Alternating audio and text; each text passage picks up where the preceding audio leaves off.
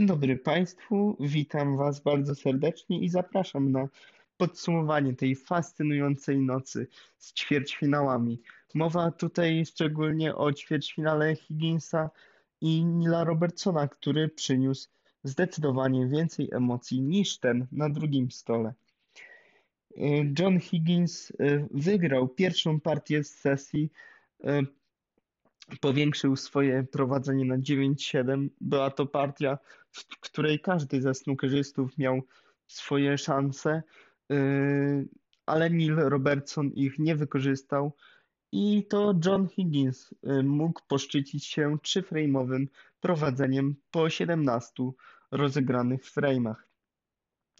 Trzeba tutaj przyznać, że to nie było wcale tak, że John Higgins grał jakoś rewelacyjnie w tej partii. Po prostu wykorzystał głupi błąd e, Nila Robertsona. Można powiedzieć kolokwialnie, że był głupi, ponieważ e, Kangur pomylił się na bardzo prostej różowej do prawego środka. Potem zaatakował wózek i trudną czerwoną. Te trzy błędy i te trzy szanse zaprzepaszczone przełożyły się na przegranego frame'a. We frame'ie 18 y, po błędzie znowu Higginsa, dalej na różowej, do tej samej kieszeni, y, Neil Robertson y, zbudował 50-punktowego breaka, po, po którym po dołożeniu kilku jeszcze punktów wygrał frame'a pewnie i w końcu pokazał, że działają u niego długie bile, długie wbicia, i że wszystko zaczyna się e, w jego grze spokojnie układać.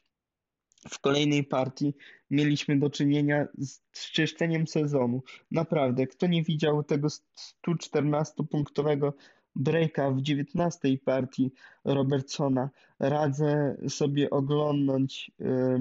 I podziwiać, ponieważ biorąc pod uwagę układ, z jakiego startował Robertson podejście, jestem żywo przekonany, że większość snookerzystów nie uzbierałaby nawet 50 punktów, a Robertson yy, a Robertson popisał się czyszczeniem yy, do samego końca i wbił breaka 114 punktów.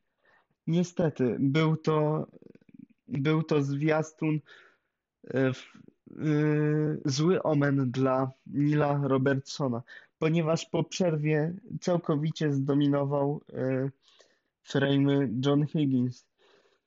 Yy, po przegranym blisko ostatniej partii przed regulaminową przerwą Robertson nie mógł się pozbierać i już do końca spotkania po prostu był cieniem samego siebie.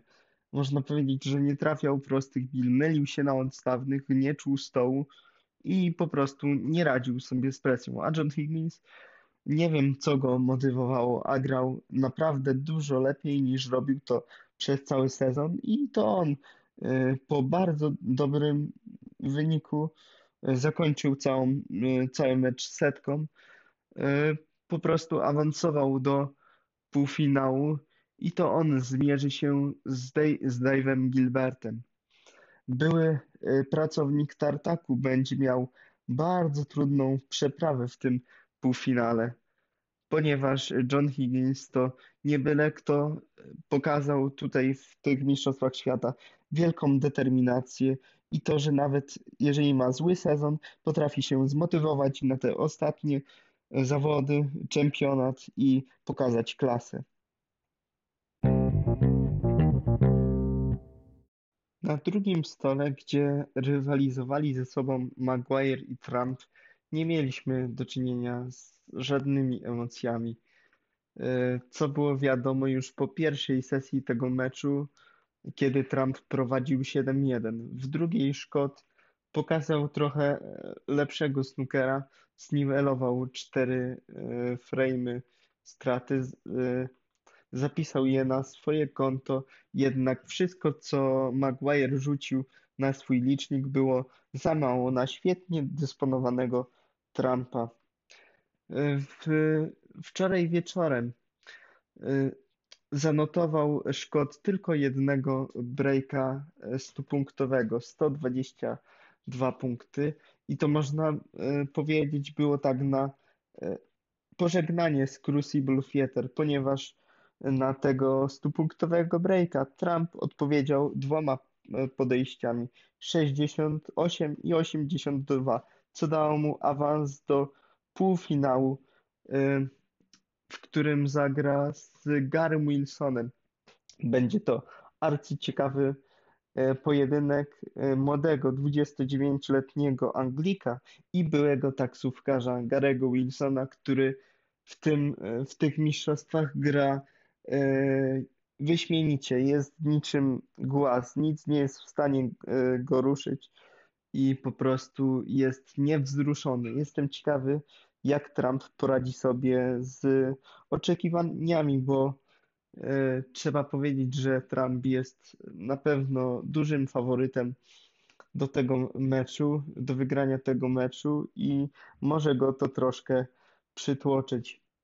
Anglik y, będzie po raz pierwszy w półfinale od 2012 roku, co jeszcze może dodać mu presji, a pod nieobecność Nila Robertsona i O'Sullivana jest jednym z, z poważnych faworytów do wygrania całego czempionatu, bo jak nie teraz, to kiedy, można powiedzieć. Dzisiejsze mecze będą startować o godzinie 11, no i zobaczymy, jak to wszystko się poukłada. Na ten czas to wszystko. Za uwagę dziękuję. Snookerowe News.